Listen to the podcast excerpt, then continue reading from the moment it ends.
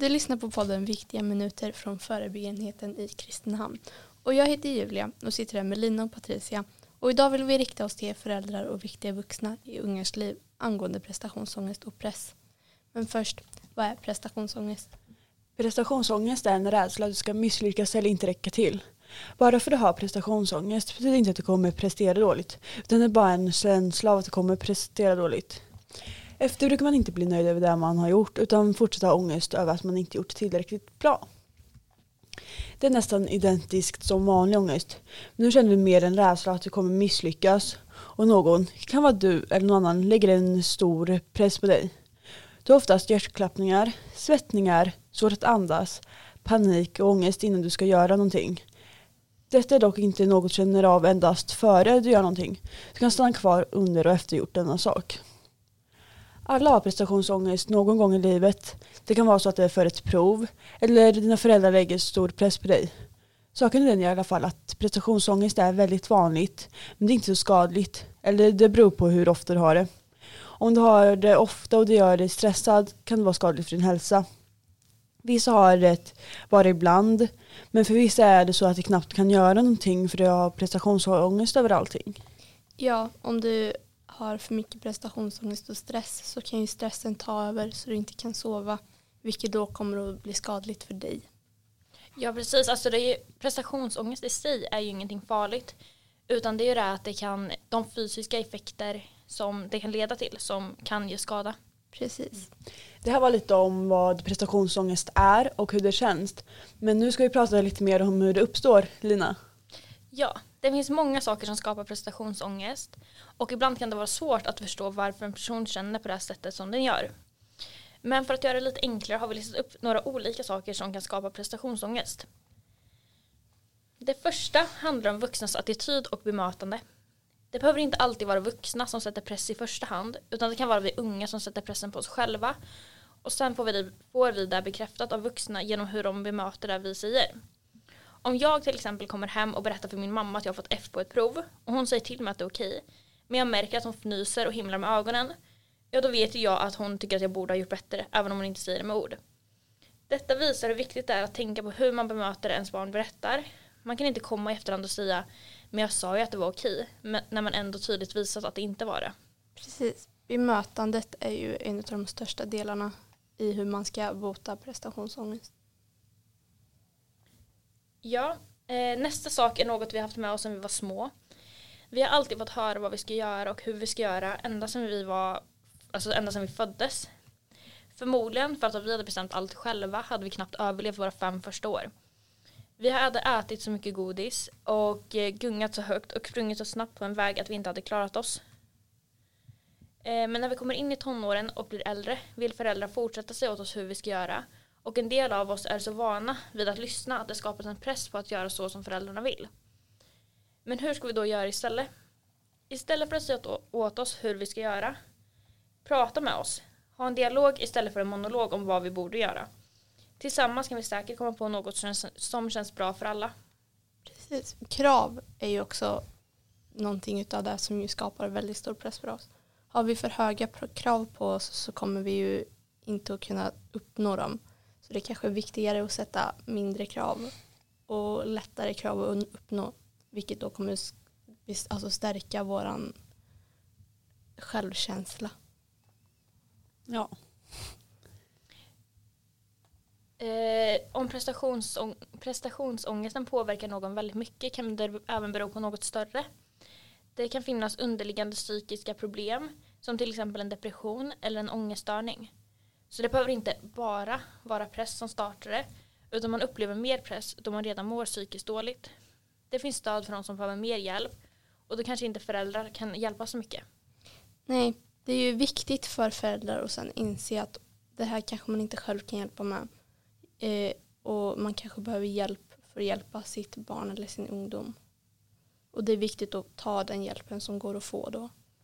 Jag tror det kan vara en jobbig känsla för föräldrar att känna att de inte kan hjälpa sina barn. Men man måste nog förstå att det inte handlar om dig det. Utan mm. det handlar ju om barnet och du vill ju det bästa för ditt barn. Precis. Eh, det sista som jag har listat som eh, något som skapar prestationsångest är just det här med framtiden och framtidsplaner. Då det är något föräldrar verkligen tycker om att prata om. Hur många gånger har man liksom inte hört vad ska du göra med ditt liv? Men vad gör egentligen sådana meningar och frågor med oss unga? Det skapar en press på oss då vi ofta inte själva vet vad vi ska göra. Och att ni frågar om det och säger att vi måste bestämma oss skapar en känsla av att ni inte tycker vi gör tillräckligt. För de flesta unga tänker redan mycket på detta och det finns ingen anledning för vuxna att öka pressen kring det.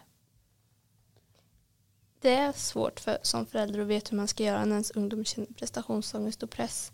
Därför har vi letat upp tips och idéer som vi känner kan vara bra för er att tänka på när ni ska prata och hjälpa er ungdom. Så för att börja med det som vi pratade om innan så börjar vi nu med framtiden. När ni pratar om framtiden så kan ni vara öppna och sen även lyssna på när din ungdom pratar om framtiden. Ser du att den blir stressad av att prata om det, hjälp till att prata om problemet. Prata om att det är okej att inte vara helt säker på vad man vill göra med sin framtid.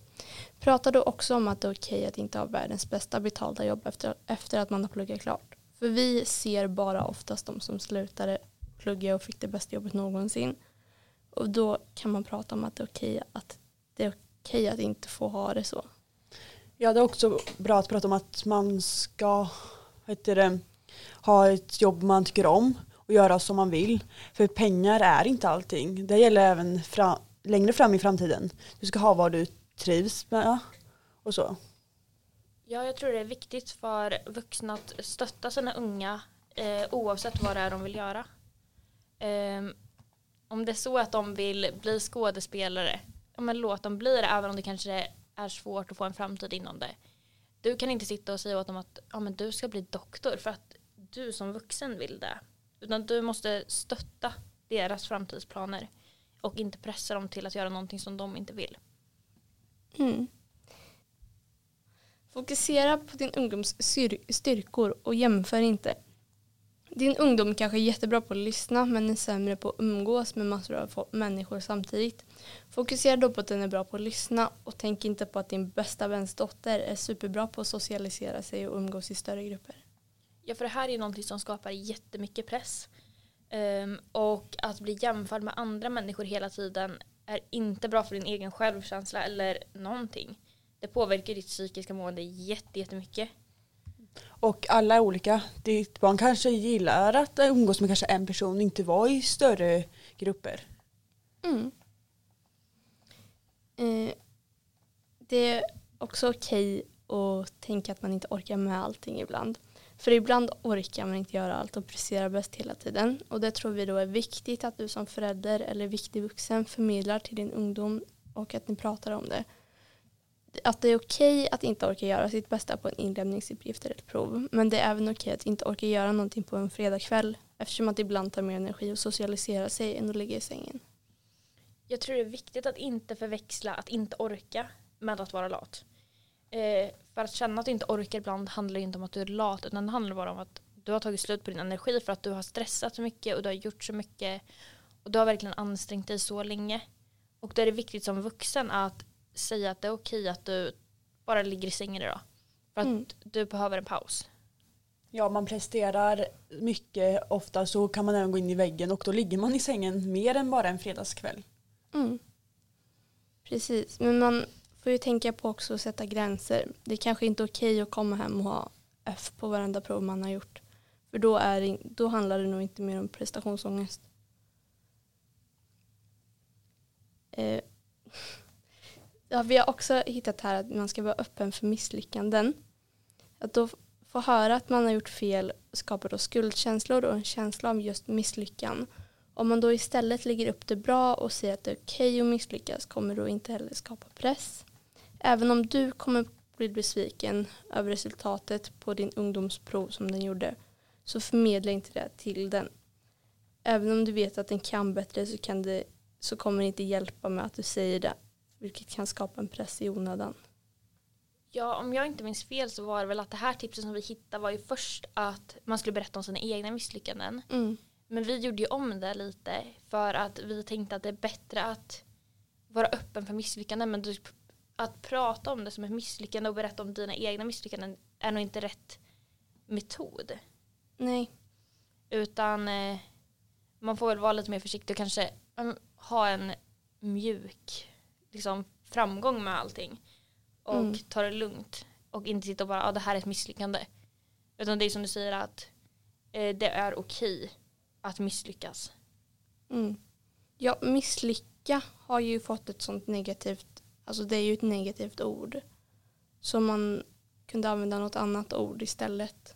Som kanske inte är lika negativt. Ja, men det räcker med att säga, ja ah, men det kanske inte blev så bra den här gången. Mm. Men det gör ingenting. Ja, så jag känner att man misslyckas inte direkt om man gör sitt bästa. Nej, Bara man gör precis. sitt bästa så är det bra. Då Mm. misslyckas man inte. Mm. Eh, hitta mål. För ibland så kan det vara så att din ungdom har för höga mål och krav på sig själv. Även om det ser bra ut att den har höga mål och siktar uppåt så kan det också skapa en rejäl press för att inte misslyckas. Så istället för att du tycker att det är bra med höga mål och orimliga krav så kan du hjälpa till att sätta realistiska krav och mål tillsammans med din ungdom. Så istället för att se din ungdom misslyckas hela tiden så kan du se den lyckas. Ja, men det här tror jag är väldigt viktigt också för det blir bara jobbigt för alla att se någon misslyckas gång på gång på gång när de verkligen försöker. Om du sen sätter lite lägre krav på dig själv och du lyckas kanske lite över det. Då blir du en stoltare över dig själv och det går jättebra. Mm. Så, för att avsluta och sammanfatta så vill vi berätta våra tre absolut bästa tips. Så Julia, vad är ditt tips? Det jag anser som det bästa tipset här är nog att fokusera på din ungdoms bästa styrkor och sätta det i rampljuset. Och då inte fokusera på det den inte kan göra utan fokusera på vad den kan göra. Eftersom att det bara blir jobbigt för oss att höra på vad vi inte kan göra hela tiden. Då glöms det vi kan göra bort och vi fokuserar enbart på det vi inte kan göra. Det bidrar till en väldigt stor press vilket vi inte vill för vi vill ju få bort prestationsångesten. Jag håller verkligen med. Vad är ditt tips Patricia? Mitt bästa tips till er vuxna är att ibland spelar det ingen roll vad ni säger. Utan kan bara förvärra saker. Så känna av situationen lite och se hur illa det är. Ibland räcker det bara med att du säger gjorde ditt bästa i alla fall och typ krama om din ungdom. Ibland är det dock bättre att du har en djupare konversation om det. Men då kommer nog din ungdom komma och starta en konversation om det för det kommer inte hjälpa med att du pressar fram det. Ja, jag tror mitt bästa tips som framkommit är att tänka på ungdomen i det här. Att även om du blir besviken så måste du tänka på att det är onödigt att visa det. Eh, för det får bara ungdomen att må ännu sämre.